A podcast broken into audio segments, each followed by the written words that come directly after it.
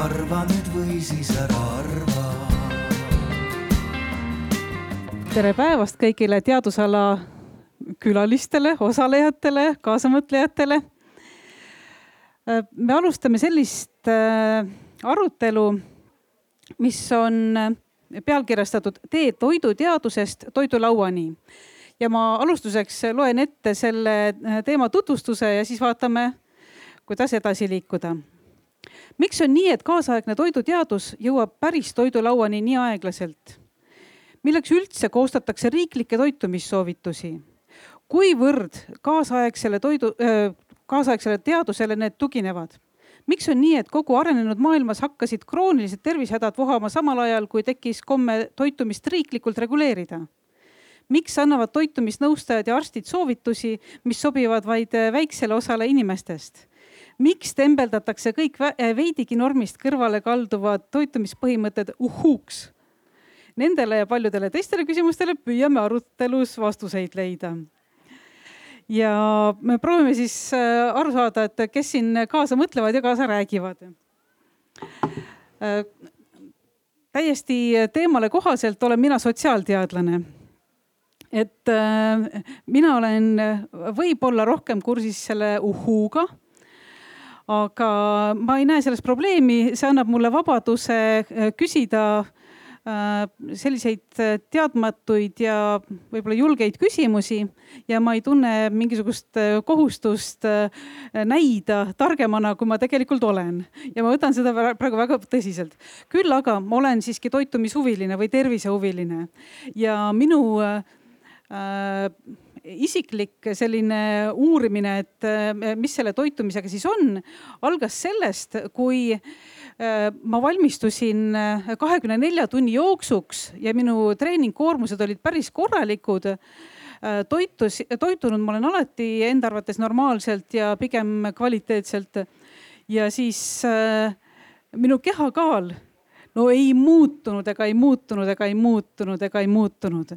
ja ma tegin jõutrenni, ma tegin kõike, mida äh, mida ma oskasin teha, mida peetakse õigeks.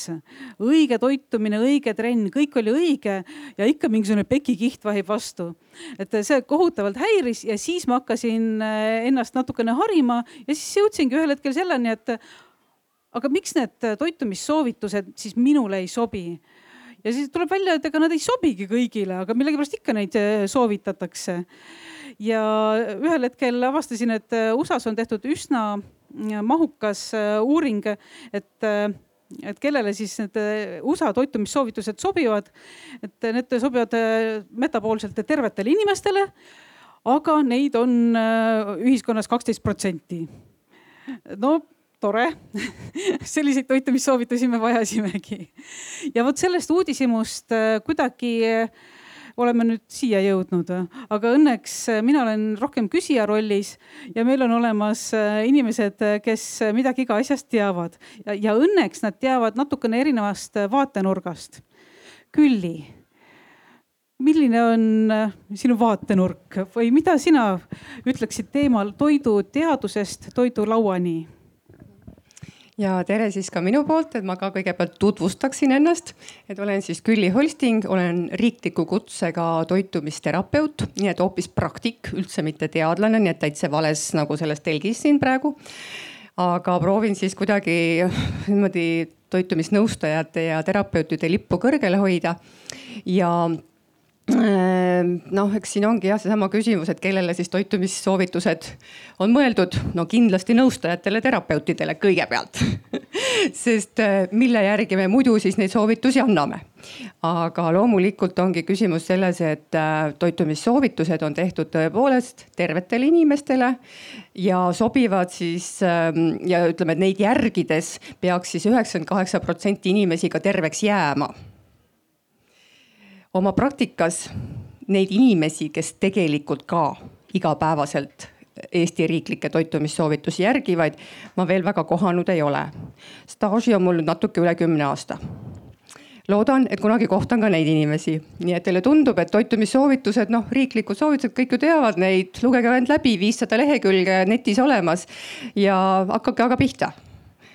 aga noh, siin ongi kohe võib ka hakata küsima, et kuidas on teie endaga, kuidas on ka minu endaga nii et selles mõttes äh, see ei ole nii lihtne, nagu meile võib-olla tundub, et võtan soovitused lahti, nende järgi käitudes asi kõik laheneb ehm,. tahan võib-olla veel korraks rõhutada seda, et toitumisnõustajate, terapeutide maailmas on ka pisut selliseid ähm, vastukäivaid äh, soovitusi, noh juba nii inimeste tasandil ja ka väljaõppe tasandil. Äh, meil ei ole praegu kahjuks ühtegi sellist ähm, kõrgkooli äh, programmi ei nõustajatele ega terapeutidele. loodetavasti saab nüüd mõni tervishoiu kõrgkool selle lõpuks ka avatud aga tänasel päeval on jah võimalik nõustajaks õppida siis erakoolides või siis Haapsalu kolledžis tervisejuhiks, kes saavad siis seal spetsialiseeruda mm, ka nõustajaks. aga see on ka täiendkoolitus, et see ei ole ka selline AB-st alates ja toitumisnõustajaid on tõesti palju, paljud on aga pärjavad ennast selle tiitliga olemata ise võib-olla midagi väga pikalt õppinud või on hoopis hariduselt seal näiteks kokk või personaaltreener, et see on ka väga tavaline suurem osa toitumisnõustajaid, kes on siis läbinud pika koolituse, no see on siis selline tuhat kuussada kuni kaks tuhat tundi. Need on siis koondunud Eesti Toitumisnõustajate Ühendusse, mille liige ka mina olen ja terapeutidel on siis oma veel ka toitumisteraapia assotsiatsioon, et need on siis organisatsioonid, mis ka garanteerivad, et nende liikmes, liikmeskond on siis äh, need nõustajad, kes siis järgivad ka riiklikke toitumissoovitusi ja annavad soovitusi ka nende põhjalt aga kindlasti mitte ainult. et personaalne, individuaalne nõustamine tähendabki seda, et me võtame arvesse tõepoolest inimese kogu tervise anamneesi, tema elustiili, tema und, tema tööstressi ja kõiki muid aspekte veel sinna juurde, rääkimata vanusest ja haigustest täpsustan võib-olla veel, et toitumisnõustaja pädevuses on siis nõustada inimesi, kes on enam-vähem terved. ehk et äh, toitumisterapeudil on siis natuke rohkem koolitust ja rohkem pädevust tegeleda ka nende inimestega, kellel võib-olla on mõni terviseprobleem või soovivad sellest taastuda või soovivad ka midagi näiteks ennetada ja kui nüüd tagasi tulla siis minu juurde, siis toitumisriiklike soovitustega. Eh, jah, see ongi see, et, et midagi on ju, peab ka olema midagi sellist, millele siis ka toetuda. ja, ja siis ongi see küsimus just, et kas sada protsenti või viiskümmend protsenti. ehk et jällegi see, et kui palju me siis lõpuks saame süüdistada neid soovitusi. et ja kas me neid järgime või mitte ja mil määral ja edasi on ju see, et ega siis ka toitumissoovitused ei ole ka nii detailsed, kui meie igapäevane menüü ju tegelikult on. me teeme iga päev ju sadu, peaaegu tuhandeid valikuid poes, lettidel on palju-palju erinevaid toiduaineid, töötlusaste on väga erinev, nende koostis on erinev, nende mõju on meile erinev ja ka meie individuaalsus on väga erinev, nii et nad mõjuvad ka lõpuks meile väga erinevalt. nii et tahaks alati rõhutada seda, et kuna me oleme erinevad, siis tuleb ka meile läheneda siiski individuaalselt. aitäh ja äh, Kaarel on meil siis ainukene äh, nii-öelda õige valdkonna teadlane, kelle, kellel on kõige rohkem kaotada, kui ta libastub ja midagi valesti ütleb. aitäh selle kommentaari eest. mina olen jah, Kaarel Adamberg. töötan Tallinna Tehnikaülikoolis äh, keemia ja biotehnoloogia instituudis ning samuti töötan toidu ja fermentatsioonitehnoloogia arenduskeskuses, tegelen mikrobiomi uuringutega. ja teiselt poolt siis toiduteadusega, toidutehnoloogiaga, kõik, kuidas see toit meie lauale jõuab ja kuidas siis see mõjutab meie tervist. ja sealhulgas siis, kuidas bakterid meie seedetraktis mõjutavad meie tervist ja kuna siin alguses oli juttu eh, Eesti riiklikest toidusoovitutest, siis ma alustuseks küsiks ka publiku käest, et kas siin on keegi, kes järgib Eesti eh, toitumissoovitusi? kas keegi tahab või julgeb sellele vastata? tundub, et keegi ei taha või siis ei järgi aga siinkohal eh, osaliselt tuleb muidugi nõustuda sellega, et Äh, universaalne soovitus nagu iga, igasugune keskmine näitaja ei äh, ole sobilik siis kõigile. et siin tulebki teha valikuid, kellele äh, sobib rohkem üks toiduaine ja teine toiduaine. oluline on, et toidusoovitused on tehtud vähemalt seni kehtiva teadmiste alusel ja annab, annab üldpiirid, nii et tegelikult see ülesanne ühelt poolt, kui inimene ise selle valikuga ei saagi hakkama, siis ongi toitumisnõustajad või toitumisterapeudid. ja, ja teadlaste ülesanne on siis äh, selgitada välja see, mis on õige ja mis on vale miks meil üldse on neid toitumissoovitusi vaja, et äh, minu teada esimesed toitumissoovitused jällegi USA-s, kust on äh, ilmselt kogu see asi pihta hakanud. Need esimesed toitumissoovitused hakkasid tasapisi ju tekkima kuskil äh, tuhande üheksasaja kuuekümnenda aasta paiku ja siis kaheksakümnendatel aastatel natukene põhjalikumalt, et enne seda saime kuidagi hakkama, noh meie jätan, aga miks neid üldse vaja siis on? ma kohe siin äh, täpsustaks, tegelikult äh, päris esimesed toitumissoovitused on aastast tuhat kaheksasada üheksakümmend neli. Ka Ameerikas muidugi, aga seal oli see eesmärk oli selline, et kuidas äh, millega, millist toitu toota, et see oleks kasulik nii inimesele, et annaks kõik vajalikku, pluss siis see, et see oleks majanduslikult efektiivne.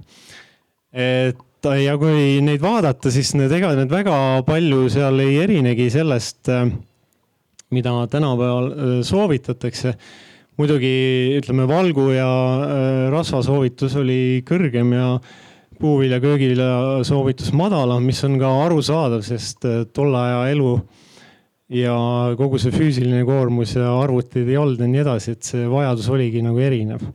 aga teie, teiselt poolt muidugi jah, see äge mm, propageerimine või siis nendest äh, kuuekümnendate soovitustest tuleb jah siis sellest, et äh, inimese tervis, äh, tervisenäitajaid hakati rohkem järgima ja elu, elu tegelikult läks paremaks. ehk toitu jäi üle, ega me peame mainima ka siin, et Ameerikas oli ikkagi mm, enne teist maailmasõda ka sisuliselt näljahäda ja peale sõda alles hakkas äh, tekkima toidu nagu varu ja inimesed hakkasid nagu valimatult või õigemini rohkem maitse järgi sööma ja, ja sellest need probleemid nagu on tekkinud. aga Külli, äh, kui tulevad äh, inimesed sinu jutule, kas nad teavad neid toitumissoovitusi ja millegipärast ei saa hakkama nende järgimisega või nad tõesti ei tea, mida soovitatakse. et mis on need põhjused? nii seda kui teist, et seda ma võin küll öelda, et äh, on küll ka neid inimesi, kes ikkagi nagu niimoodi tõesti, tõesti meeles küsivad, et aga taga need süsivesikud, et kuidas nendega ikkagi on, et on nad ikkagi päris saatanast või ikka natuke võib. et noh, selline nagu moment võib alati ikkagi läbi käia, just see, et kuna infot on nii palju ja nii vastuolulist. Ja teisalt noh, neid, kes oleks seda viissada lehekülge läbi lugenud, neid ma ka veel ei ole kohanud, need on peamiselt ainult minu enda kolleegid et äh, see on täitsa arusaadav. aga muidugi inimesed teavad, äh, sest nad on ikkagi ju interneti äh, kasutajad. meil on Tervise Arengu Instituut, kelle ülesanne on ju tegelikult neid toitumissoovitusi meile kogu aeg meelde tuletada. kindlasti olete näinud selliseid välimeedias selliseid suuri püramiide. vahepeal seal olid silmadega mingid, need taimed olid silmadega ja suudega. et nii mõnigi ehmatas selle peale päris ära, et, et selline kujundus nüüd või ja vahepeal on ta tehtud siis jah lapsemeelsemaks ja teinekord jälle tõsisemaks. aga nagu me jah oma elus ju tegelikult märkame, siis meie taldrikud on tavaliselt hoopis ümmargused ja üldse mitte püramiidikujulised ja need püramiidid ei ole kellelgi ka poe ostunimekirjas me tegelikult ikkagi ostame asju poest neid, mis meile meeldib ja mida meil nagu justkui läheks kodus vaja. või siis laseme üldse Boltil, Woltil need kohale tuua. Ja mm, teisalt me ei mõtle kunagi taldrikut koostades või oma portsjonit koostades ka selle peale, et kas see püramiidi nüüd sobitub kuidagi või mitte. Nii et jah, taldrik ja püramiid on ju tegelikult edasiarendused just selleks, et neid oleks kergem mõista ja kergem aru saada ja sageli ma tõesti peangi soovitama äh, eriti just lastega peredele, et jah, printige välja üks ilus tervislik taldrikureegel, pange oma külmutuskapi külge ja juba läheb palju paremaks. Vot aga on ikka neid kliente ka, kes äh, enda arvates täidavad äh, toitumissoovitusi, aga ikkagi on hädas ja loomulikult, eks seal ongi nagu küsimus, et me võime ju üldiselt lugeda, et meil on jah, vaja viiskümmend kuni kuuskümmend protsenti süsivesikuid ja. aga küsimus ongi, et millest me need süsivesikud saame. nii et siin ongi nagu see küsimus, et kui me võtame Nutridata programmi, mis on siis Tervise Arengu Instituudi, ma arvan, et väga hea ja väga põhjalik programm e-, Eesti toituja jaoks. on ka eesti ja lisaks eesti keelele veel ka eesti ja inglise keeles ja ta lööbki selle kõik sinna sisse, mis ta päeva jooksul söönud on, sealhulgas ka maiustused sööd, siis tema süsivesikute protsent on täiesti õige, ta vaatabki oma põhitoitained, ahah, mul on süsivesikud, valgud, rasvad justkui protsentuaalselt tasakaalus. no järelikult peaks ju kõik sobima. aga millest see tegelikult koosneb, see on tavaliselt see võtmeküsimus ma korraks jätan siin Kaarli täitsa kõrvale. kas sa ise oled proovinud Nutridatat? jaa. oota, kes on proovinud Nutridatat? Nii, laske käed alla ja nüüd tõstke käsi, kes leiab, et see on lihtne. aitäh just, et sel, sellega ma olen ka nõus, et see okay. ei ole tõesti lihtne ja sellepärast on ka populaarsemad mõned teised äpid, eh, kus kahjuks nii palju infot jälle ei saada, aga. jah et..., aga see Nutridata ütleb minu toitumise kohta ainult punaseid eh, asju aga siis, kui ta näitas veel rohelisi asju, et umbes, et eh, nüüd on kõik õige, siis mina ei tundnud ennast hästi aga nüüd, kui mina tunnen ennast hästi, on tal kõik seal ainult alarm, alarm, alarm, et kus on sinu süsivesikud, sest ma söön ainult kolmkümmend protsenti süsivesikuid ja, ja Nutridata leiab, et äh, niimoodi ei tohi mm. -hmm no see ongi nagu see, et meil ongi kõigil erinevad vajadused, nagu sa rääkisid, valmistusid, eks ole, jooksuks, sul on vaja sellel ajal hoopis teist menüüd kui sel ajal, kui sa teed oma arvuti taga istudes tööd, eks ole. nii et jällegi seesama küsimus, et meie vajadused võivad olla vägagi nagu erinevad ja kõikuvad ka päevade lõikes. nädalavahetusel lähed pikale matkale, vajad hoopis midagi muud võrdlus siis esmaspäeval, kui sul on ühesõnaga pikk äh, istumispäev taga või ees, tähendab. nii et siis äh, see on jah, loomulikult, aga aga see on üks võimalus midagigi mõõta adekvaatsemalt kui ühesõnaga lihtsalt, lihtsalt vaadates, mida ma söön. ei, sellega ma olen nõus, et sellised programmid on abiks, aga see, et me midagi kirjutatakse punaseks kohe, see ajas mind hästi marru.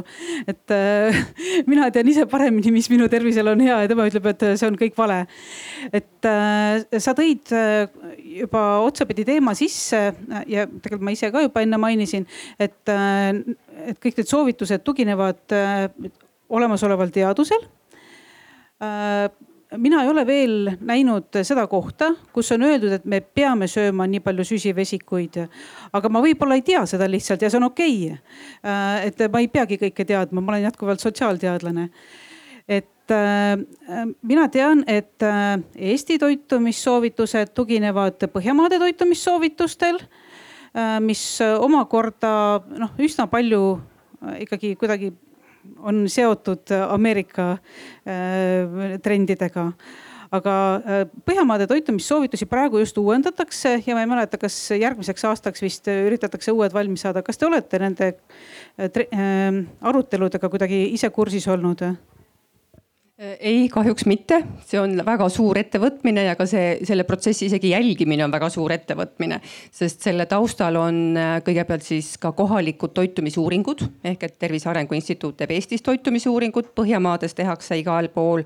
Äh, siis Soomes, Rootsis, Norras, Taanis omad uuringud ja, ja siis püütakse sellest kõigest kokku äh, tekitada mingisugune teaduspõhine, millele siis teadlased omakorda panevad oma sisendi, oma panuse.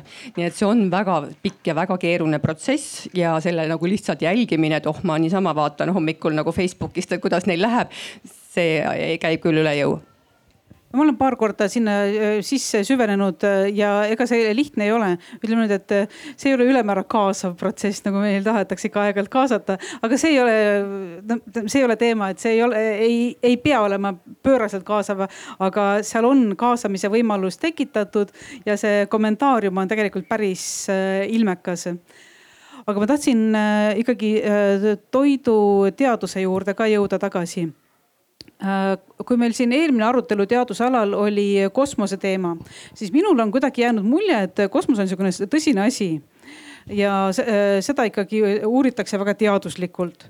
ja toidu teema on kuidagi selline, et mingisugused valdkonnad on tõsisemalt uuritud ja siis mingeid asju uuritakse niimoodi, et pea siin oma toitumispäevikut ja kirjuta üles, mida sa eile sõid ja kui palju ja siis selle põhjal tehakse mingisuguseid järeldusi, et kas hommikusöök on saatanast või mitu muna nädalas tohib süüa.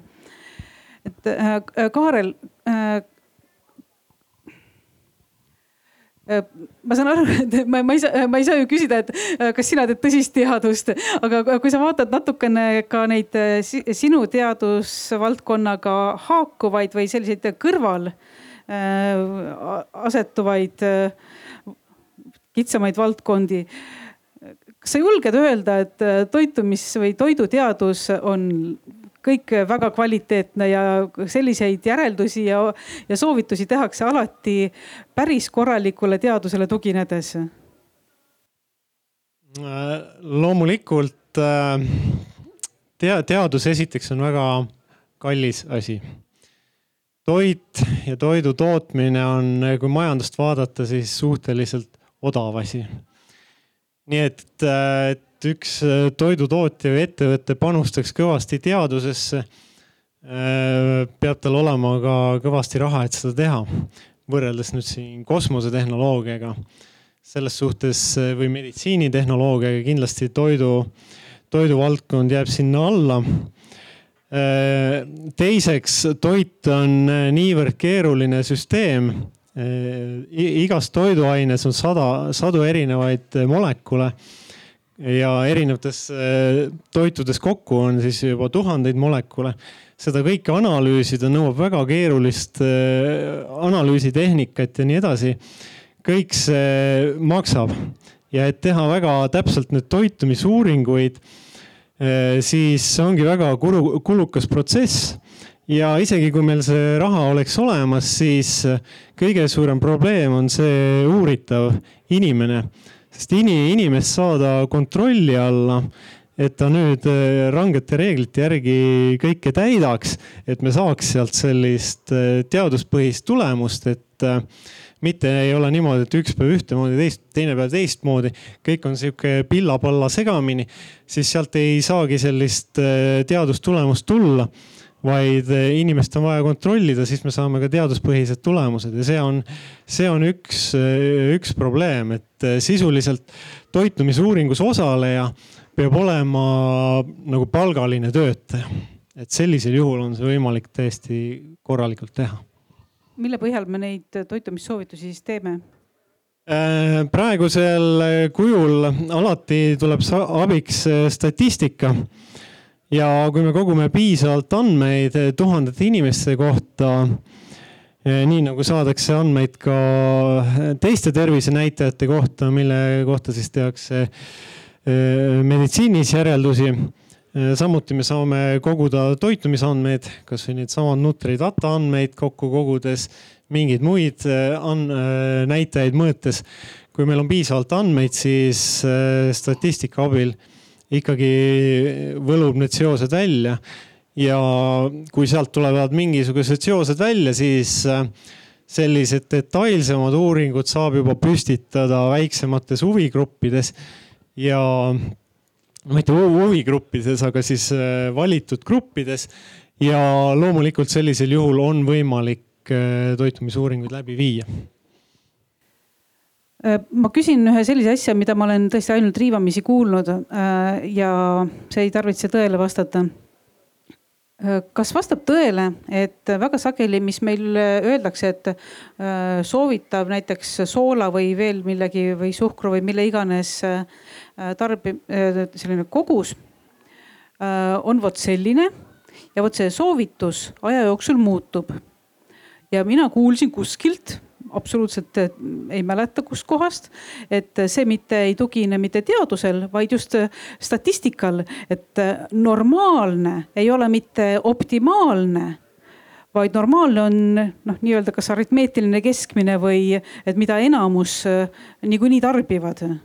kas see mõttekäik on täiesti uhuu või on siin mingisugune tõepõhi? Ma tean seda Soome kogemust, mis on nagu soomlased leidsid, et kui nad kutsusid üles näiteks pagaritööstust kasutama vähem soola ja kasutama jodeeritud soola, siis mingi aja jooksul inimestel mingid ühesõnaga tervisenäitajad paranesid ja sealt tehaksegi nagu see järeldus. nii et ühesõnaga, eks ta ikkagi peab olema kuskil nagu proovitud ja statistiliselt ka tõestatud. aga just see tõenduspõhisus äh, toitumises on nagu päris keeruline küsimus. kui me mõtleme kasvõi näiteks igapäevase kohvi peale ma ei hakka küsima, kes kõik armastavad kohvi. ma usun, et neid on enamus. aga kui te mõtlete uuringuid, mida te olete kuulnud, tõstab vererõhku, arendab põievähki, võib soodustada kopsukasvajaid, mida veel. ja siis vastupidi, ennetab Alžeimerit, parandab kognitiivset funktsiooni, suurendab äh, rasvapõletust enne treeningut ja nii edasi, edasi. no ja kuulge, eks ole, kakskümmend, kolmkümmend aastat, kaua te olete neid uuringuid ja tea neid uuringu pealkirju lugenud, siis tekib juba küsimus, et kuulge, teadlased, otsustage ometi ära, ma tahaks hommikul rahulikult oma kohvi juua, ilma et ma mõtleksin selle kopsuvähi peale või oma kolesterooli taseme või millegi muu peale. ja seal tekibki nagu see tunne, et keda me siis nüüd ikkagi usaldame. aga kõik need asjad võivad ju tõele vastata sõltuvalt kogusest ja tarbimismustrist. just ja siin me saamegi rääkida nüüd alates, eks ole, geenidest, vanusest, muudest eluviisidest, muust toitumisest, kõigest muust. ja samas me ju praegusel hetkel võib-olla lähtumegi võib-olla rohkem sellest mõttest, et kohvi on tegelikult üks päris hea antioksüdantide allikas. ja võib-olla ongi kohvikupidajad teinud meie tervise heaks palju rohkem kui võib-olla kõik nagu arstid ja toitumissoovitajad, kes soovitavad neid puu- ja köögivilju antioksüdantide allikana. ja noh, mis siis kohvikupidajad on muidugi need saiakesed ja muffinid sinna kõrvale meile pakkuma hakanud täiesti ootamatult, eks ole. aga et tegelikult see kohvi võib olla jah, meile nii kasuks kui kahjuks, aga kes ütleb mulle kust mina olen või kes mina olen, kas mulle mõjub kohvi hästi või halvasti. aga äh, kas me geenidest natukene saame rääkida?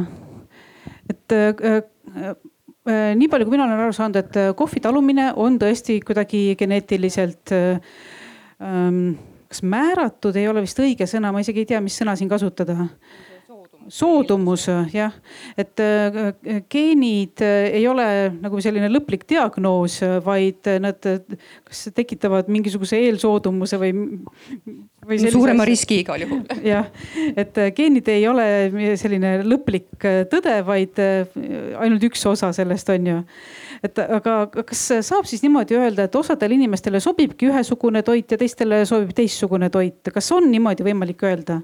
No kohvi koha pealt ma võin küll öelda, et jah, tõepoolest olen endale ka teinud selle kohvitesti, kofeiini talumise testi, tean, et see on mul keskmine ehk et läheb üsna kiiresti kehast välja. ehk et ma aga võin seda pisut rohkem juua, kui võib-olla mõni inimene, kellel see metabolism on lihtsalt kohvi, kofeiini suhtes aeglasem. ja sealt tulevadki kõik sellised nagu erisused mängu. noh, kui me geenidest räägime, siis me ikka räägime kogu aeg sellest, et noh kas me nagu anname võimaluse neil nagu vallanduda ehk et näidata oma äh, siis äh, riski või mitte, et noh, näiteks tsöliaakia puhul, kui me teeme selle geenianalüüsi, siis umbes neli protsenti nendest inimestest, kes saavad seal selle suurema riski võimaluse, tegelikult haigestuvad sellesse autoimmuunhaigusesse. nii et ka jällegi see, et kas nad siis söövad rohkem nisu, vähem nisu, seda isegi ei oska keegi täpselt öelda. aga noh, jällegi, et geen võib meile midagi vihjata ja olen lugenud ka sellist uuringut, mis on öelnud, et äh, kui inimesed saavad teada ka oma teatud geneetilised riskid, siis äh, suur osa ei tee midagi teistmoodi. ehk et neid jätab see külmaks. noh, on nagu on geenid on, on, muuta ei saa, midagi ei viitsi teha ka. oot-oot, natukene sai muuta ju. just palju, päris palju saab eluviisiga, aga just see, et inimestel ei ole isegi selleks alati valmidust. või, või vähemalt tahtmist kui, kui ikkagi on olemas geenidefekt või ütleme, geen ei tööta, siis seal, seal ikkagi ei ole midagi teha. et sellisel juhul see probleem jääb ja seda, sellist toiduainet tuleb vältida. okei okay,, aga kui me ei räägi nii karmidest asjadest, et ma ei tea, millest sina praegu rääkisid näiteks tsöliaakiast, eks ole. tsöliaakia, laktoosi talumatus, seal on sulfitite talumatus ja igasuguseid äh, okay. probleeme. Äh, mina tegin äh, geenitesti. ma arvan, et need kommertsalusel geenitestid on veel kõvasti arenemas. et neid ei tasu ülemäära tõsiselt võtta, aga need on põnevad ja panevad mõtlema. mina sain teada, et minul on sünnist saati olnud laktoositalumatus.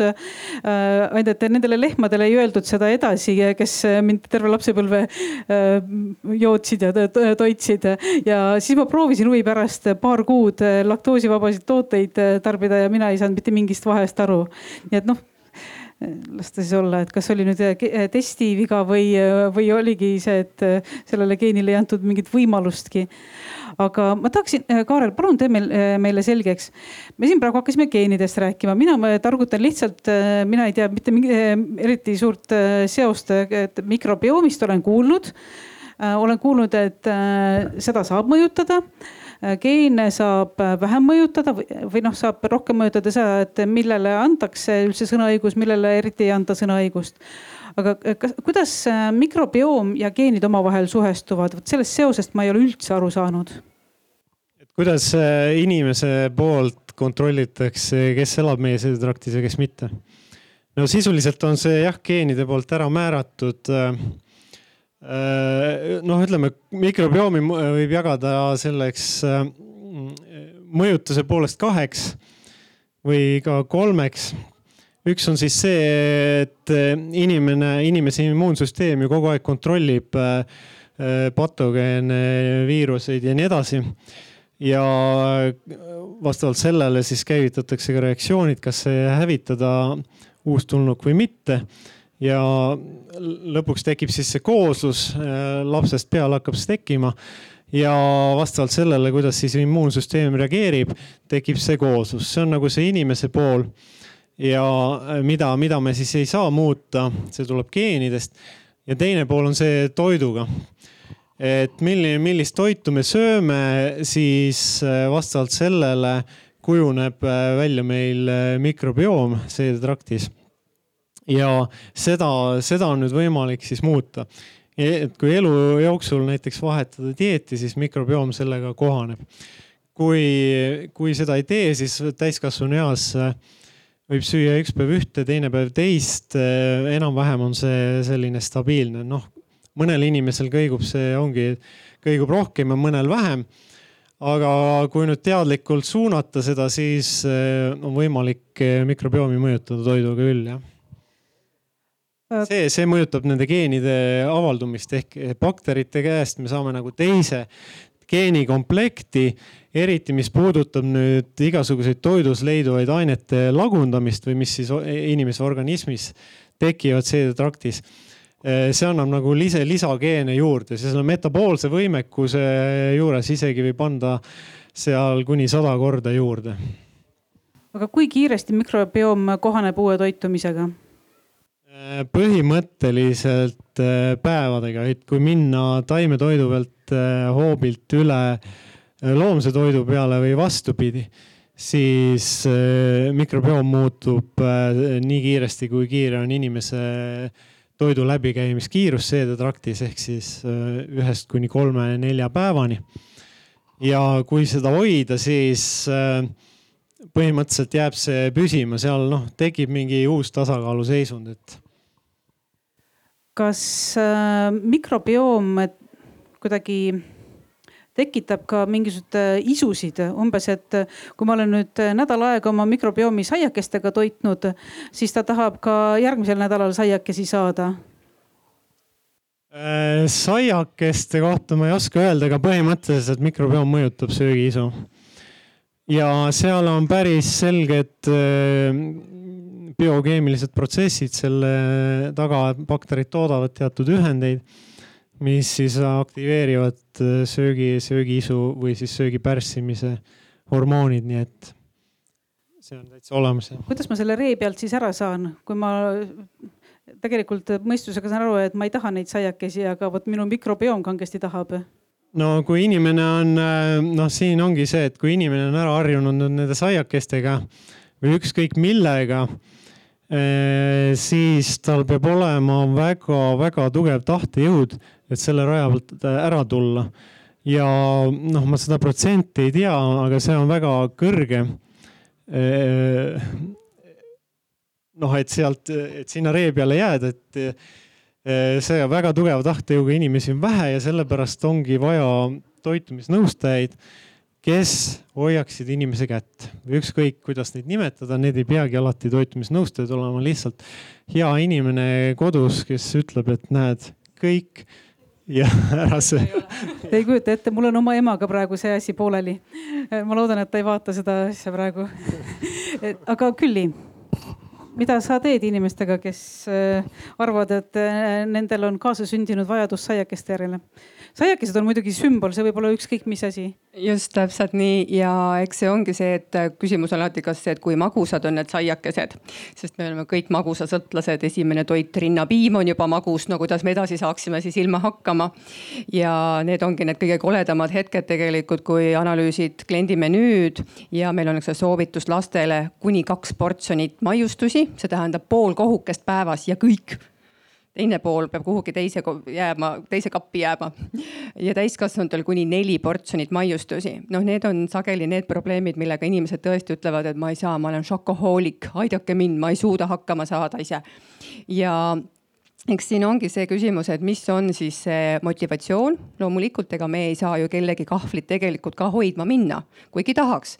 võiks ka külmutuskapi lukku panna, aga see ju ei aita. et äh, selles mõttes ongi alati küsimus üles leida inimese enda ressursid aeg, raha, tahtmine ja, ja neid võimestada ja võimestada just siis selle osava nõustamisega, mis siis need on aga aspektid ja ressursid neile siis selgemini avaks ja endale võib-olla lähemale tooks. üks meetod, mida me noh, me nõustamistehnikaid on palju, noh, kõige tuntum on motiveeriv integreerimine ka meditsiinivaldkonnas mis ei ole küll väga alati päris tõhus. inimesed tahavad siiski palju rohkem konkreetsust. aga mida me oleme nüüd hakanud äh, siis äh, selles mõttes katsetama ja kus me oleme leidnud näiteks ka Põhjamaadest väga palju häid positiivseid kogemusi, on selline sensoorne mõjutamine. ehk et äh, nii nagu me ise õpime lugema-kirjutama, nii samamoodi õpivad meie meeled maailma tajuma ja neid meeli on täpselt samamoodi võimalik ümber õpetada, nii nagu ka võõrkeelt õppida või matemaatikat näiteks. ja sensoorika põhinebki siis jah, kõigi meie viie meele koosmõjul ja mm, oleme siis püüdnud rakendada, mm, teinud läbi siis sellise pilootprogrammi juba lasteaias ja nüüd läheneme järgmisest õppeaastast koolidele.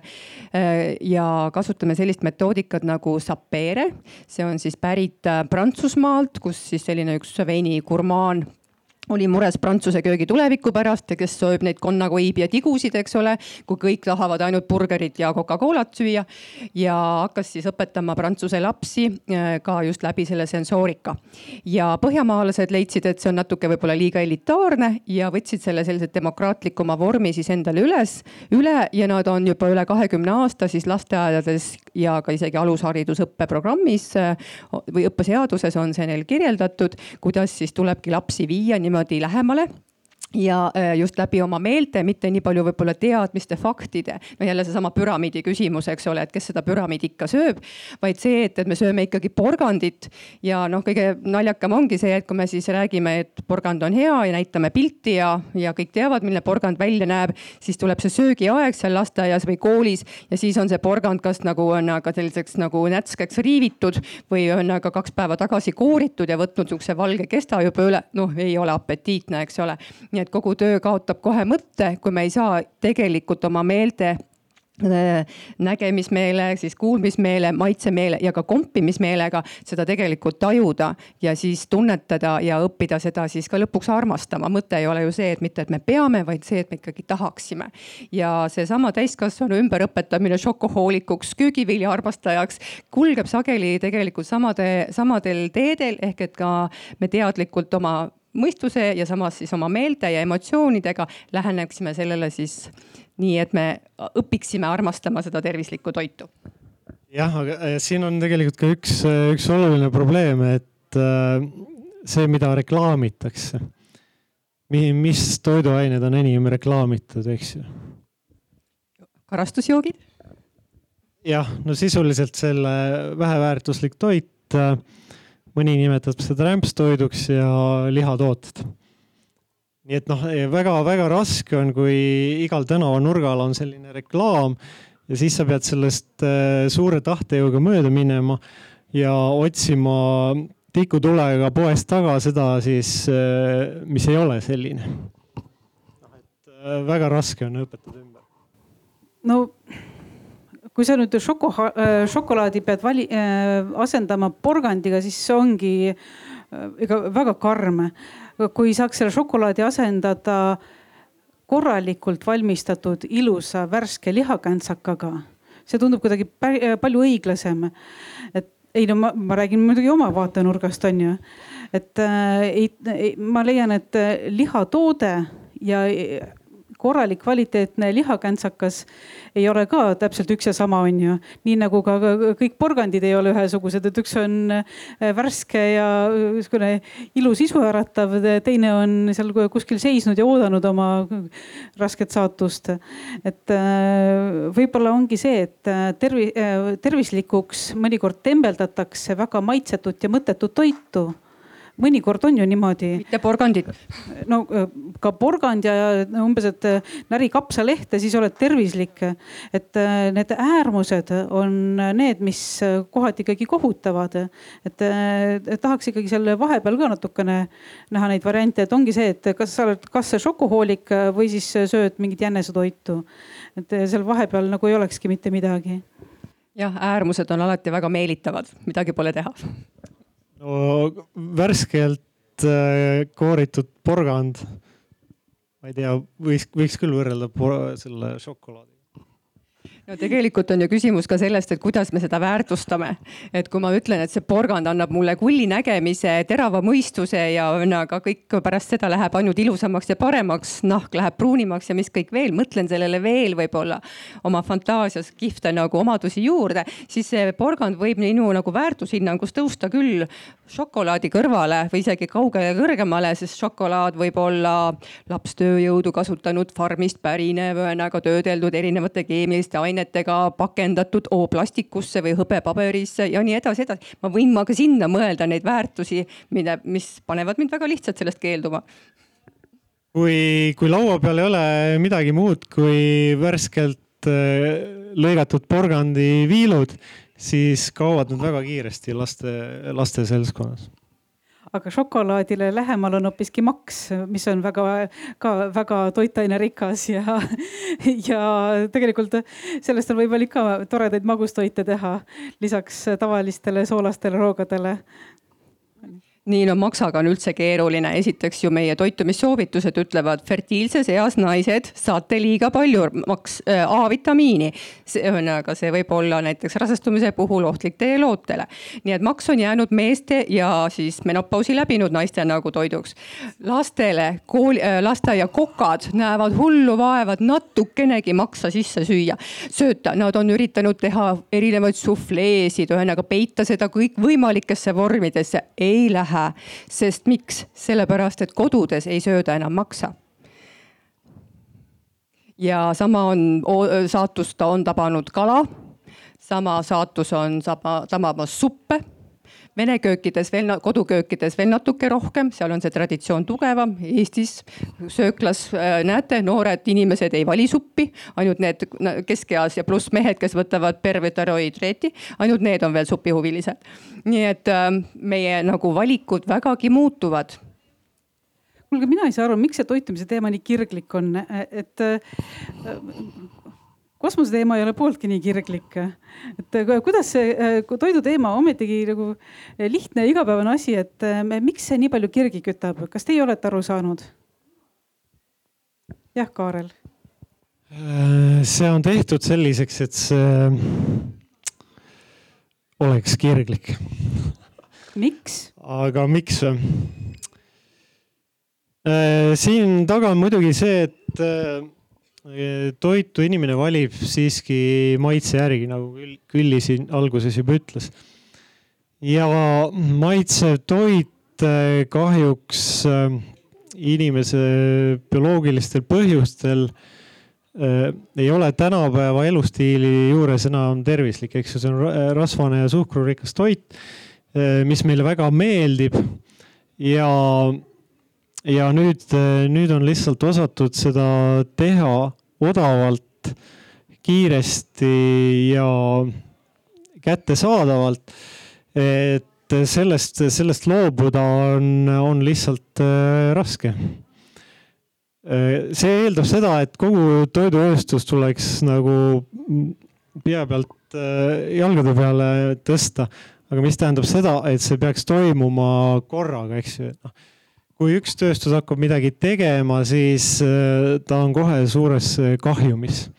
Sest äh, ta esiteks ta toodang on madal, mis ei võimalda, eks ju, saada kasumit ja, ja kui teised järgi jõuavad, siis ei tea, kas ta veel elus on, eks ju, sest iseenesest tervisliku toidu tootmine ei ole ju kallim, arvestades seda, et tehnoloogilisi protsesse näiteks valge jahu või suhkru tootmisel on oluliselt vähem kui siin täisterajahu jahvatamine ja noh, nii edasi, köögiviljade tegemine, et.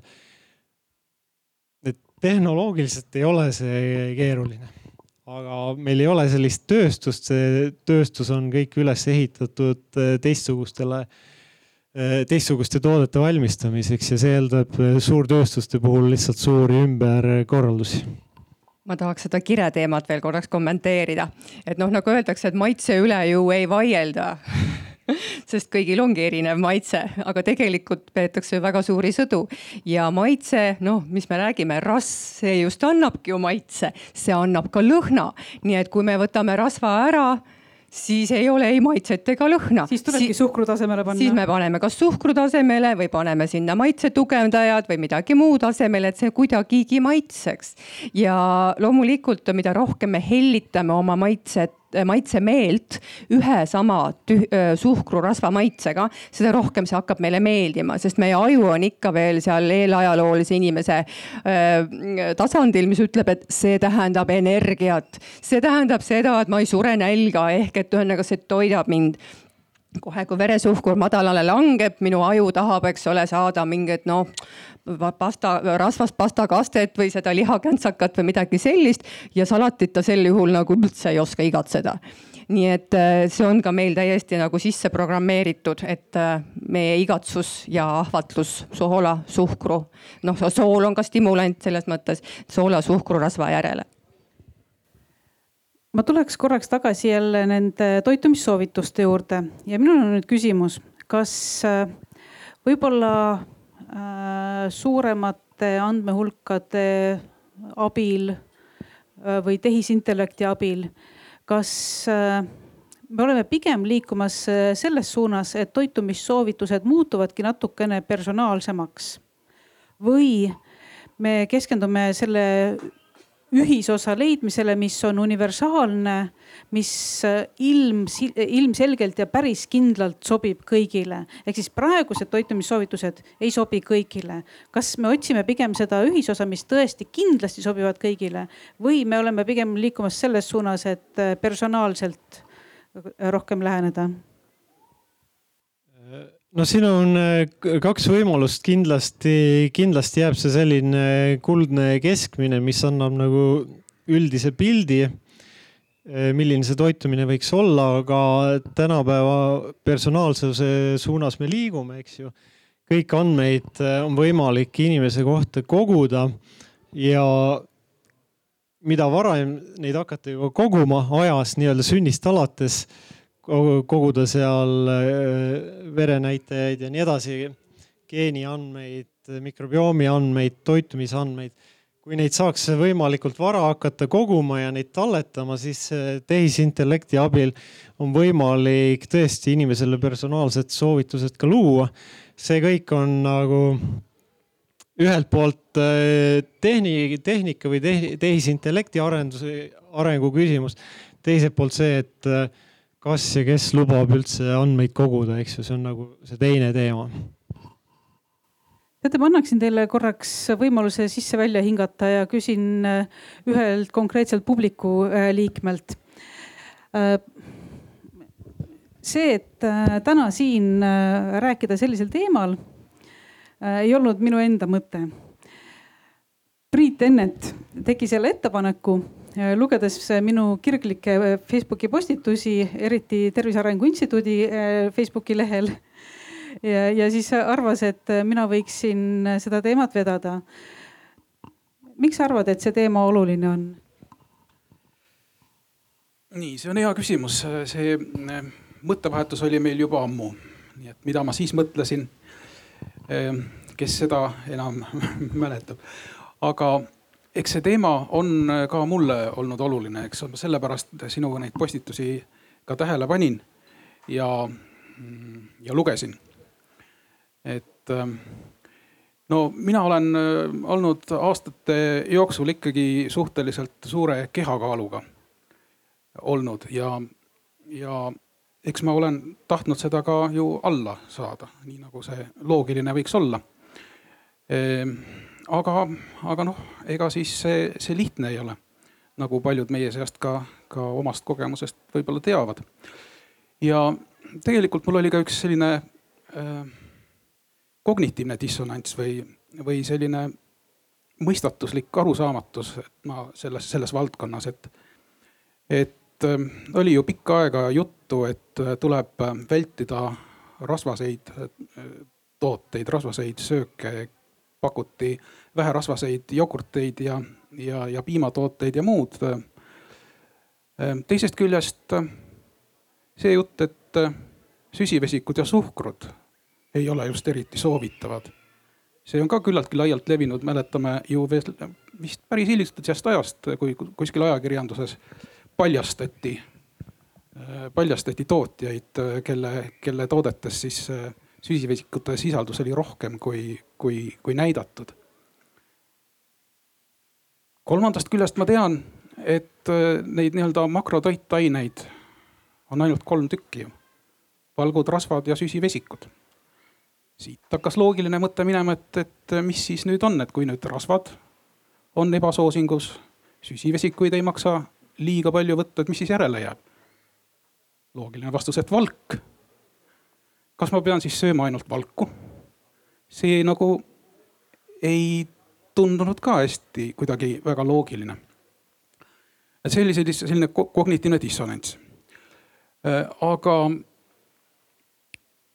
asja uurides ja sellega natuke tegeledes, noh satub inimene ikka lõpuks äh, nii-öelda seda võib, nimetatakse ka halvustavalt mõnikord doktor Google'iks, eks ole, aga, aga mul oli siis äh, ka, võin äh, õigustuseks öelda, et lisaks oli doktor Youtube ja doktor podcast'i maailm. ja, ja kus ma siis äh, sattusin lõpuks sellise seltskonna peale, kes huvitaval kombel rääkis, et, et, et nemad on nagu häid tulemusi saavutanud, saavutanud niisuguste dieetide või toitumisviisidega, kus tõepoolest süsivesikud on viidud äh, väga madalale, aga samas rasvu, eriti kui nad on head rasvad nii-öelda, sellest on ka pikk jutt, millised on head ja millised halvad. Äh, neid nad ei karda ja valku siis ka sinna juurde nii, nii, nibin-nabin. Äh, ja eks ma siis ajapikku hakkasin seda omandama, seda, seda, seda stiili ja mm, võin ka öelda, et andis, andis tulemusi ja sellest mulle see nagu see mõte külge jäi, et, et, et huvitav, et miks see, miks see nipp siis nagu laiemalt levinud ei ole. et, et miks, miks, miks me räägime eh, näiteks, eh, eh, no näiteks kasvõi sellest, et, et rõhuasetusega sellele, et, et näiteks lihatoidud on, on kangesti kliimavaenulikud ja, ja keskkonnavaenulikud. justkui justkui nad inimesele hästi ei sobiks. samas ma sattusin ka ühe niisuguse, äh, kõigepealt ühe, ühe konkreetse inimese kaudu, üks kanadalanna nimega Mikaela Peterson, vana Petersoni tütar, kes, kes oma tervisehädade äh, vastu läks mõneks ajaks ainult puhtalt lihatoidule üle. ja, ja sai nendest siis lahti. nii et ähm, et siit mul tekkiski see huvi, et mispärast siis, äh, siis äh, ähm, et, et just see, needsamad toitumissoovitused, millest meil siin alguses juttu oli, et, et, et äh, miks need sellest midagi ei räägi, miks on see, siin selline vastuolu. ja siis hakkasin vaatama, et ka Aet enam-vähem samade teemadega tegeleb ja, ja praktiseerib. ja, ja vot, see on nüüd pikk vastus sinu küsimusele aitäh ja ma kohe lähen pommitan targemaid edasi. põhimõtteliselt sa võid istuda, kui tahad. et see oli meie ma ei tea, selline uitmõte, et me seisaksime, aga keegi ei sunni meid. et äh, ma nüüd äh, võtaksingi siit äh, kaasa selle doktor Google'i ja doktor Youtube'i ja doktor podcast'i ja tuletaksin meelde, et neid doktoreid aeg-ajalt nimetatakse neid uhuudeks. Aga nüüd ongi küsimus, et aga mis see alternatiiv on, kui inimene äh, saab aru, et äh, tavalised soovitused kuidagi nagu ei klapi või noh, no ei hakka tööle või no okei okay,, ma söön vähem, vähem, vähem, vähem, teen trenni rohkem, rohkem, rohkem ja ma olen kogu aeg näljas ja närviline no kaua võib, see ei saa niimoodi olla no,, äh, see ei saa õige olla. ja siis ma leian endale mingisuguse mulle sobivama toitumise ja siis see kuulutatakse mingiks uhuuks äh, ja äh, igasugused äh, võimul olevad need toitumiseksperdid ütlevad, et see kõik ei ole õige. et miks, miks meile on siis antud selline valik, et kas riiklikud toitumissoovitused või uhhuu, et kas siin on võimalik mingisugune lepitus leida? Jah, kindlasti on võimalik, noh, see ongi see personaalsuse küsimus, et kui see nii-öelda keskmine ei sobi, siis tuleb eh, liikuda natuke kõrvale sellest. ja tõesti võib ka sada protsenti lihatoidul olla. siin on küsimus lihtsalt selles, et mida selle liha all mõeldakse. et et su suures osas peaks selline dieet olema, eks ju, rasvapõhine nii ehk naa, kui me vaatame siin inuite või masaisid Aafrikas, eks ju. siis nad, palju nad seda päris liha nagu tailiha mõttes söövad.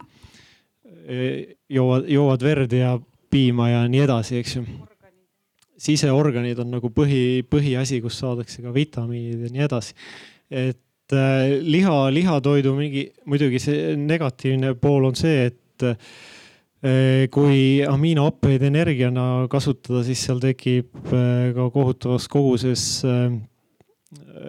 ammoniaaki ja väävel, väävelvesinikku, nii et need on suures koguses ka toksilised, nii et väga tervet elu sellise dieedi peal elanud inimene. noh, ma ei tea, see eluiga väga pikk ei ole siis äh, teiseks oh, inimesel on kudesid, mis töötavad, saavad energiat ainult süsivesikutest, nii et organism peab endiselt tootma siis ka rasvast või siis valkudest süsivesikuid, et noh, see ei ole ka nagu otstarbekas, sellised äärmused ei ole selles mõttes kunagi otstarbekad ja selles mõttes võib neid täiesti uhuuks pidada aga äh, seda, et kõik peavad saama viiskümmend protsenti energiat süsivesikutest, see, see võib-olla noh, ei ole ka alati õige, et äh, saab ka vähe, vähemaga hakkama ja kolmandaks on see, et mis, mis on need süsivesikud, et tihtilugu see süsivesikute proportsioon kaldub sinna lihtsuhkrute poole või siis tärklise poole kaldu ja kiudaineid on meil dieedis ülivähe tegelikult, kui tänapäeval vaadata, siis äh, võrreldes siin äh, äh, sajandite tagust hulka, siis see on kordades, kordades madalam, et süsivesikutes on väga oluline, et milliseid süsivesikuid me sööme et ma äh, igaks juhuks veel mainin, et küsimus võib olla siis selles ketogeenses dieedis, mille puhul siis äh, kaheksakümmend protsenti energiast tulebki rasvadest ja süsivesikutest siis äh, meditsiinilise dieedi puhul viis protsenti ainult. noh, see tähendab siis seda, et on natuke lehtsalatit ja mõned jõhvikad võib-olla ka saab päeva jooksul süüa, aga leebemal puhul ta võib olla siis ka kümme kuni viisteist protsenti ja oluline on siis saavutada nimelt just nimelt see ketokehade Äh, tootmine ehk ketoos, mida saab siis ka teatud testeribadega äh, testida. seda on meditsiiniliselt äh, kasutatud epilepsiaravis juba päris kaua aega. Aga nagu ikka, nagu mõned vanad hästi unustatud asjad tulevad uuesti jällegi moodi, noh, kes teab, eks ole, erinevad lõiked ja muud asjad, pikkused ja kõik muud. nii samamoodi on ka toitumises, nii et moed tulevad tagasi ja ketogeenne dieet on jah, näiteks Põhjamaades ka äh, täiesti loogiline jätk sellele vähe süsivesikurikkale ja, ja siis äh, dieedile ja tehakse seda ka nagu just ka kaalu langetamise eesmärgil, aga mõte ei ole selles, et selle peale nagu jäädakse, ehk et need on sellised ajutised sekkumised, sest nende nagu pikaaegsel tarbimisel just see, mida ka Kaarel siin rõhutas, me võime väga paigast ära lükata oma sellesama mikrobiomi äh, koosluse, sest need äh, õnnetud bakterid toituvad ikkagi nendest kiudainetest ja kui neid on tänu süsivesikutele menüüs nii vähe, valgud rasvad meil süsi, äh, kiudaineid ei sisalda, siis siis äh, need jäävad lihtsalt nälga. nii et sageli see eeldab sinna juurde ka teatud äh, toidulisandite tarbimist, äh, mis kõik lõpuks on kokku A kallis. Ja jällegi, mida siis see teaduspõhine toitumispool selle peale ütleb, on see, et pole veel piisavalt uuritud. Me ei tea, kuidas see tegelikult võib teile mõjuda. Ja, ja sinna taha need paljud asjad ka ikkagi jäävad et miks see asi ei jõua nagu võib-olla ütleme nii, et trendid lähevad ees ja, ja tulemused tulevad tagantjärgi ja võib-olla on selleks ajaks trend juba ammu ka läinud, kui see tulemus lõpuks tuleb. nii et epilepsia puhul on seda ja ka näiteks ajukasvajate puhul on seda praktiseeritud ja praktiseeritakse ka edasi meditsiiniliselt ehm, aga, aga muudel puhkudel ongi see, et seda tuleb nagu kaaluda, inimene peaks olema kindlasti ka terve. tal peaks olema ideaalne rasvade seedimine ehk et on aga ideaalne sapphapete tootmine. Äh, kui ei ole, siis on jällegi vaja ka teatud lisandeid, et ei tekiks just liiga palju neid jääkaineid, neid toksilisi jääkaineid, mis võivad siis omakorda jälle ka kahjustada ja ka reaktsioon inimestel on sellele väga erinev. nii et see on juba ka see, mikspärast me ei saa seda kõigile nagu soovitada, sest see ei sobi kõigile. nii nagu ka toitu, riiklikud toitumissoovitused ehk siis selle juurde me tulemegi, et mina olen teinud ketodieeti ja minu jaoks ta oli äh, alguses äh, huvitav, siis ma sain mingisugused kasud ja ma ei langetanud kaalu. oi, ma läksin vohama, sest nii maitsev toit oli. et äh, mina ei langetanud kaalu, aga väga paljud mingid muud asjad läksid tervise mõttes väga-väga hästi. aga ma ei pidanud vajalikuks selle niimoodi kogu aeg äh, ühtemoodi äh, toitumist, et äh, mina, nii nagu ma treenin perioodiliselt, ma ka toitun perioodiliselt, et ma ei saagi aru sellest, et miks mingisugused toitumissoovitused peaks, peaksid üldse universaalsed olema ja ma ei ole sellest siiamaani aru saanud ja ma mitte mingil juhul ide, ei idealiseeri ei getot, ei mingit muud, ei karnivoorlust, ei äh, taimetoitlust. et, et, et minu arvates on see loomulik, et me erinevatel kas äh, hooaegadel või aastaaegadel või siis äh, sõltuvalt oma aktiivsusest, et me toitumegi erinevalt.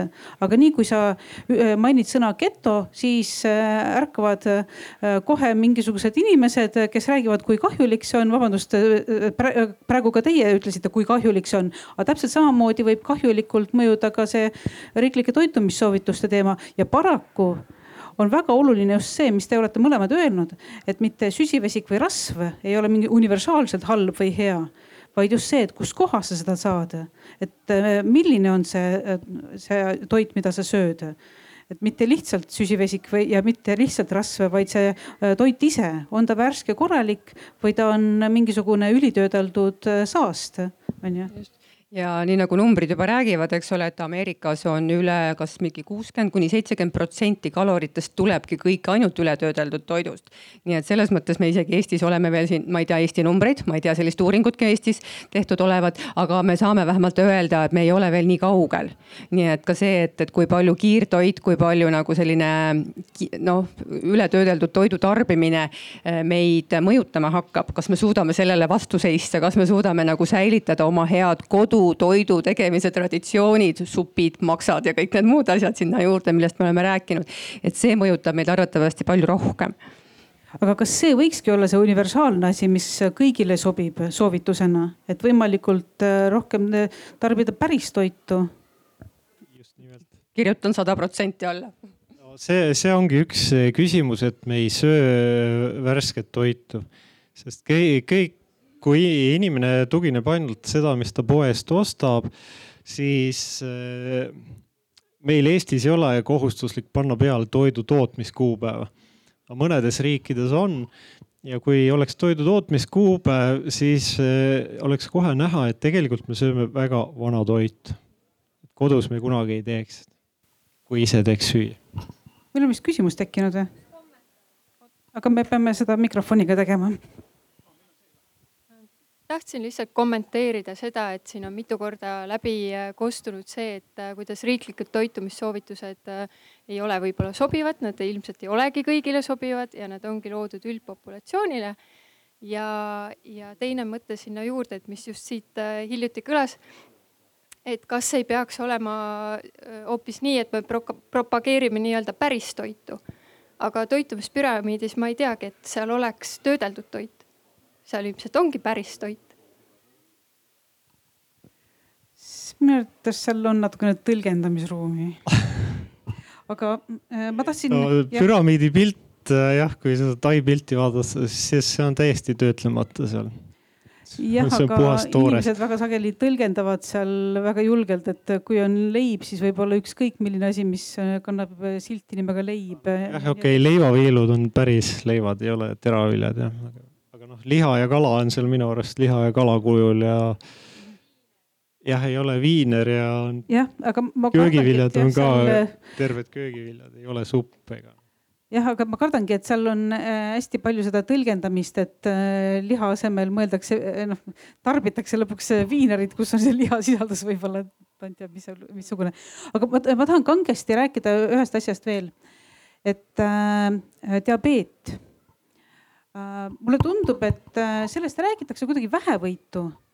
Äh, sest see on probleem, teatakse, et see on probleem ja siis ma lähen arsti juurde, mul mõõdetakse kõikvõimalikke asju ja kui veab, siis mõõdetakse ka veresuhkrut.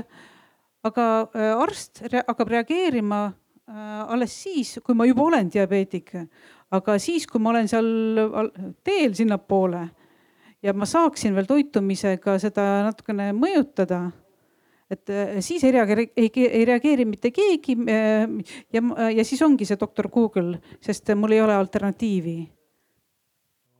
selleks, selleks peab olema kohustuslik hooldus igal inimesel, nii nagu on autohooldus iga aasta. inimese hooldust ei ole, autohooldus on tegelikult ka kohustuslik, ülevaatus on vaja teha inimese puhul ei ole, kui seda ajadünaamikat ei näe, eks ju, siis ongi raske. Või noh, inimene läheb arsti juurde siis, kui tal on diagnoos juba olemas, eks ju, siis ongi hilja midagi ette võtta, noh, mõned lähevad natuke varem.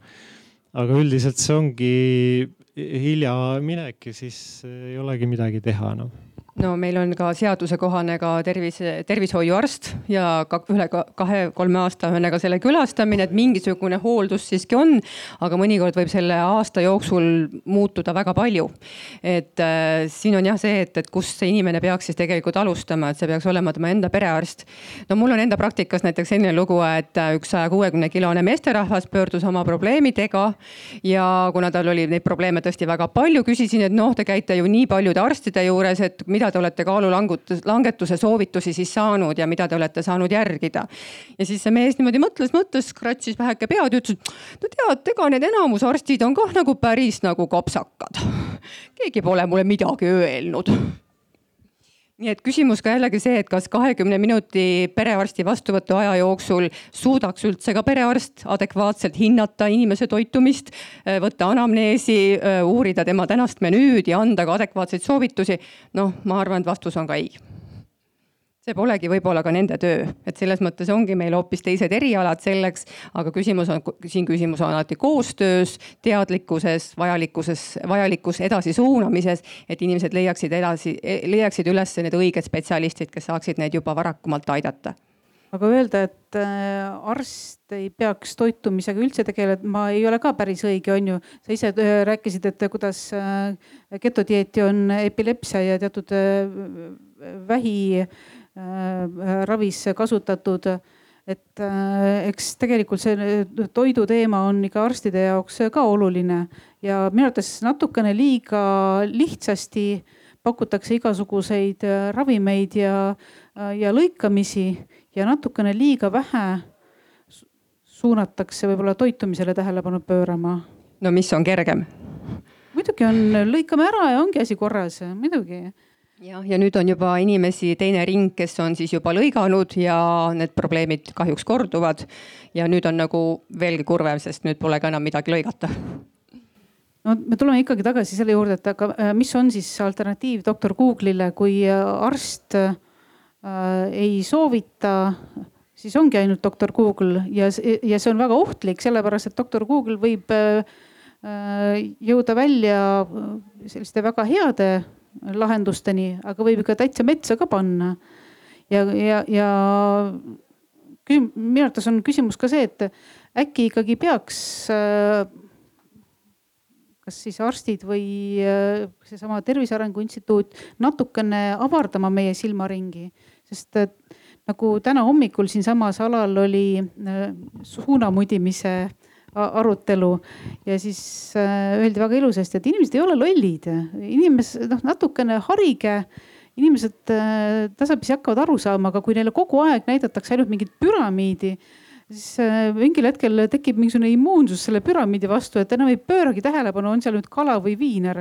et, et võib-olla ikkagi see harimine ja selgitamine ja, ja uskumine, et inimene ei ole idioot, äkki ikkagi see suund vajaks ka natukene tõukamist olen kohe väga nõus sellega, jällegi tagasi tulles sellesama äh, laste, perede harimise juurde. et tegelikult meil on ju laste nagu ülekaal ikkagi väga tõsine probleem, kui me uuringu järgi saame öelda, et iga neljas esimesse, teise klassi minev laps on kas ülekaaluline või rasvunud, siis see on tõsine probleem, sest see ennustab nende terviseprobleeme täiskasvanu eas äh, ja tõstab neid riske päris oluliselt. nii et äh, tegelikult see on kindlasti koht, on see haridussüsteem, haridussüsteem nii lasteaias kui ka koolis ja jällegi see, et see peaks olema siinsamas, eks ole, haridusalal räägime, kuidas õppida, et ka selles valdkonnas elamus, kogemus, mis õpped meil kõik toredad on, et kõiki neid rakendada ka tegelikult tegelikult toitumise õpetamises? Äh, mul on nüüd äh, neli mõtet äh, kogunenud, et kõige alguses te ütlesite, et see, et toidupüramiid panna lastele söögilaua juurde, et see noh. Ühesõnaga pilt või midagi, et see on üks, millega nagu siis seda teadlikkust saab tõsta.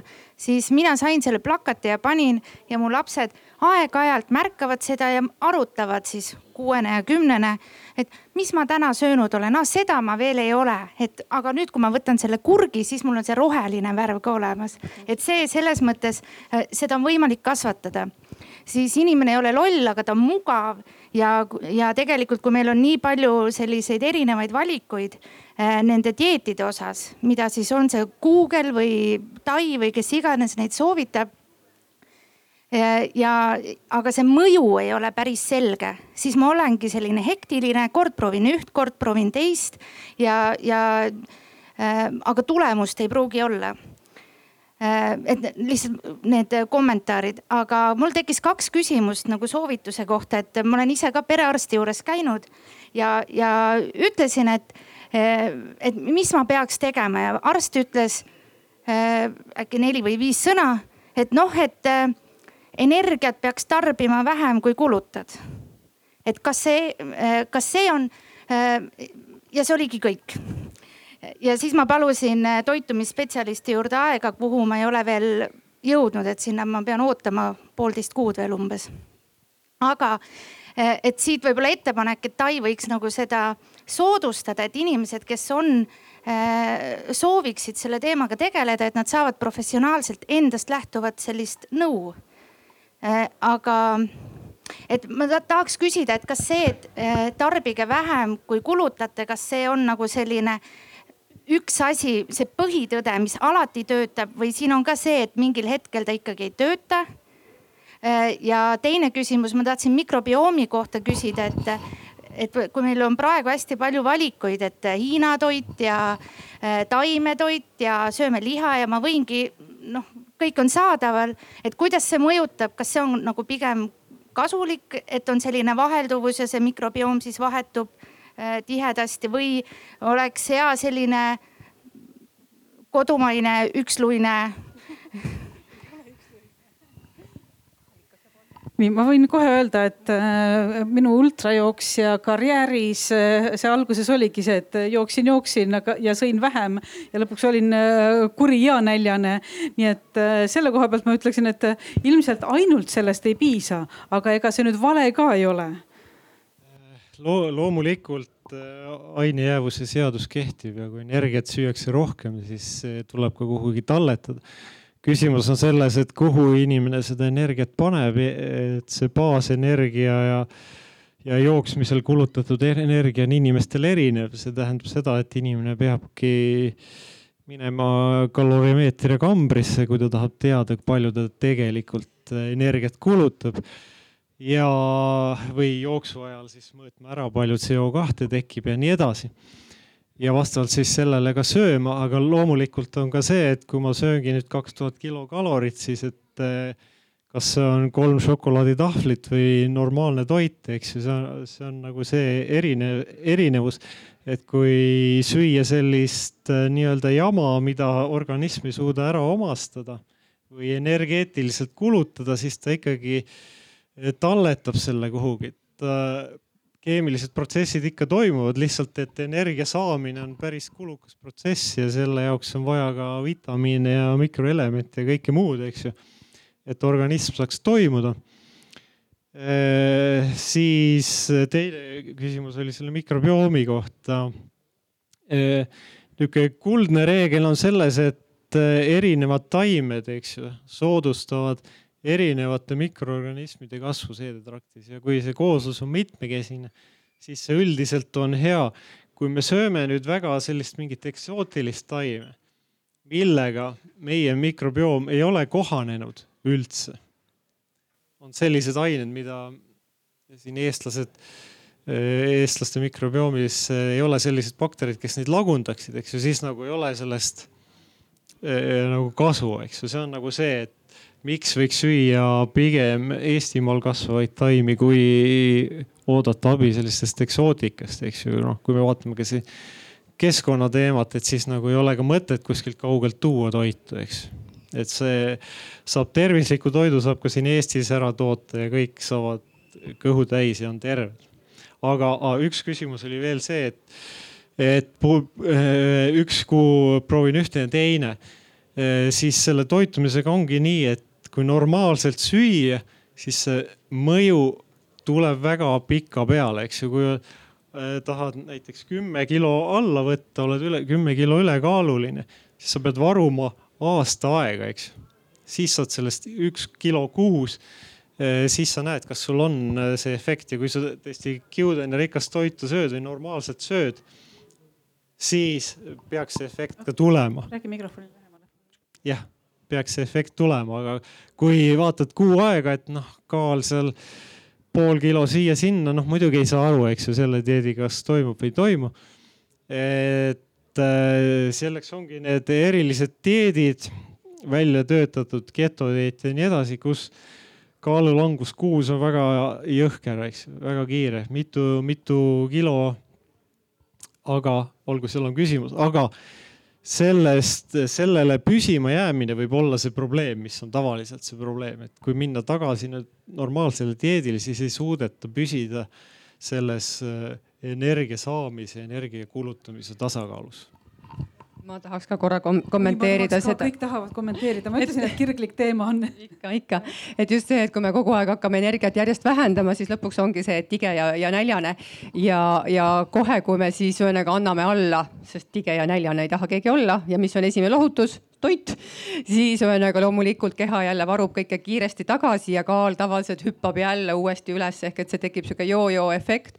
nii et sellepärast ka peab ikkagi alati kaaluma, mida mõelda, mida proovida, millist dieeti jälgida ja lihtsalt kalorite lugemine on ikkagi natuke juba noh, selline jah, midagi Eesti keskmisele, mis tegelikult alati ei toimi, sest pähklitest saadud kalorid ei võrdle, ei võrdu näiteks saiakese kaloritega ja meie kehas, kehaga töötleb neid täiesti erinevalt. ühed tõstavad kaalu, teised mitte. nii et ikkagi see toidu koostis, kooslus, kellaajad, aga lõpuks ka kõik individuaalsus, hormonaalne tasakaal, vanus ealine periood, kõik muu mõjutab täpselt samamoodi. nii et jah, seda nagu ühte soovitust, ega siis me ka ei saa tõesti ka arstilt oodata seda, et oskaks seda kõigile nagu öelda ja, ja kohe ka kõigile öelda, saada. aga veel kord tahtsin öelda, et poolteist kuud toitumisnõustaja juurde ootamist, noh, kõlab päris hästi. et äh, toitumisnõustajate ühendusest kindlasti leiaksite rohkem, aga kuna toitumisnõustamine ei ole ametlikult äh, siis tervise, tähendab siis haigekassa rahastatav teenus, siis see on siiamaani era, eraettevõtluses.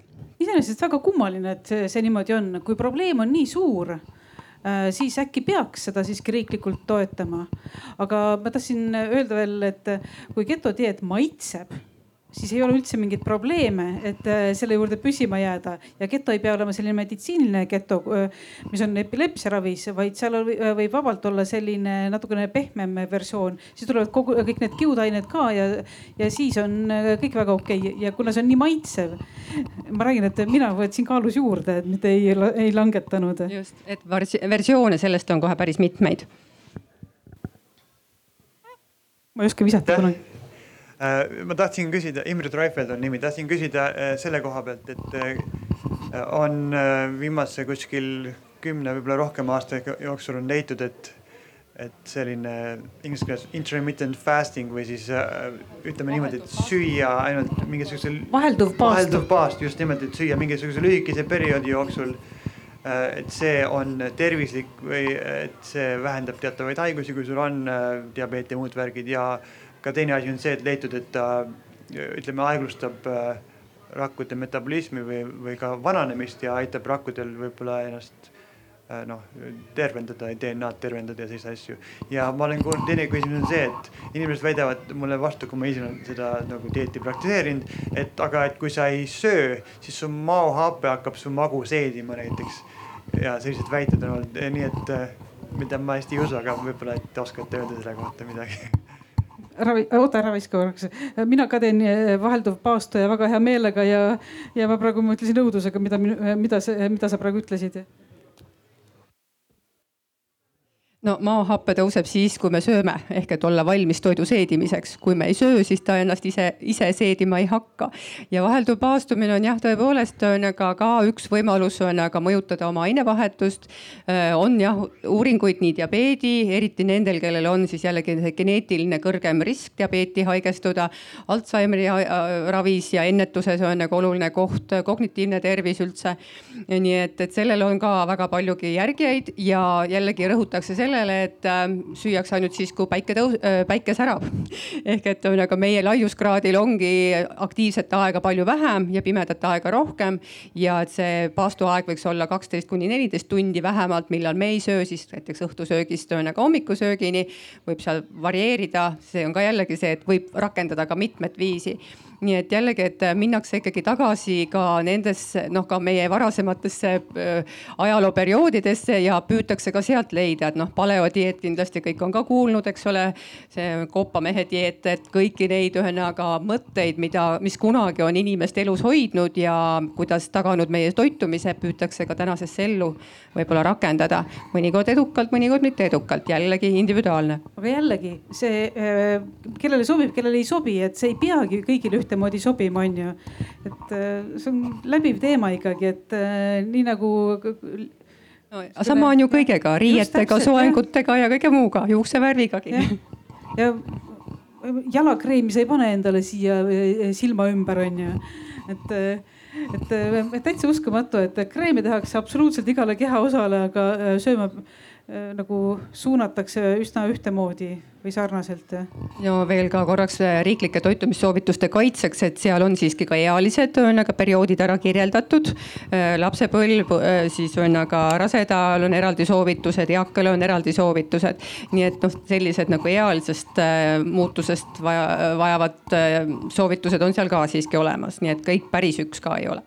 okei okay., aga me oleme kõik kohanud inimesi, kes söövad palju rohkem kui meie ja on ikka sellised nagu Kaarel.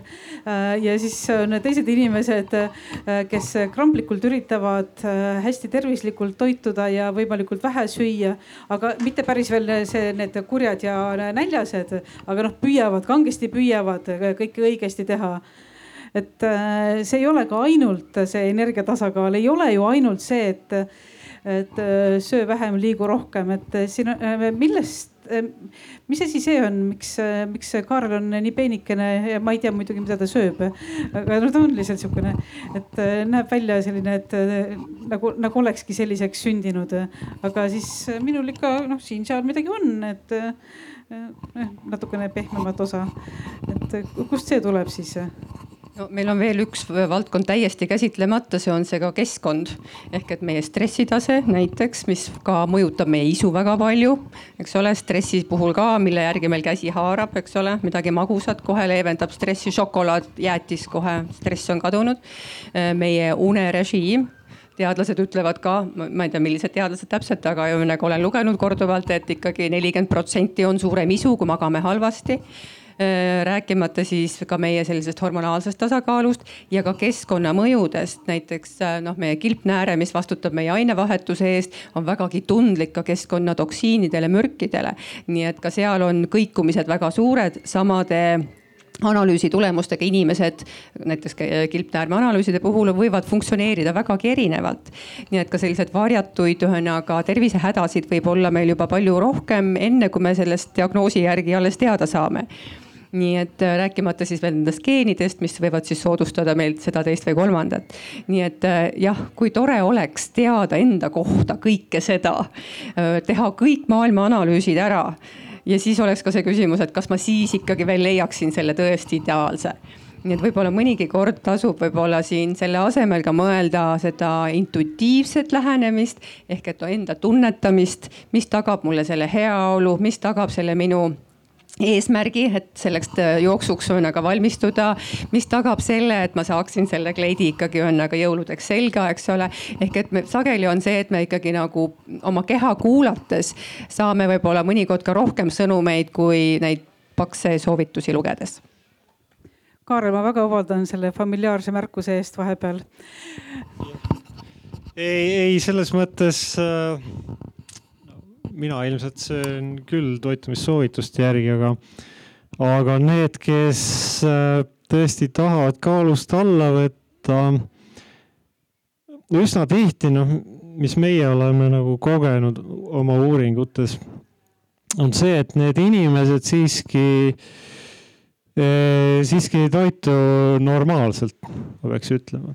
noh, kui nad ikkagi panevad, paneks kõik, kui alati on kahtlus pane kirja, täida kasvõi seda nutridatat ja ausalt.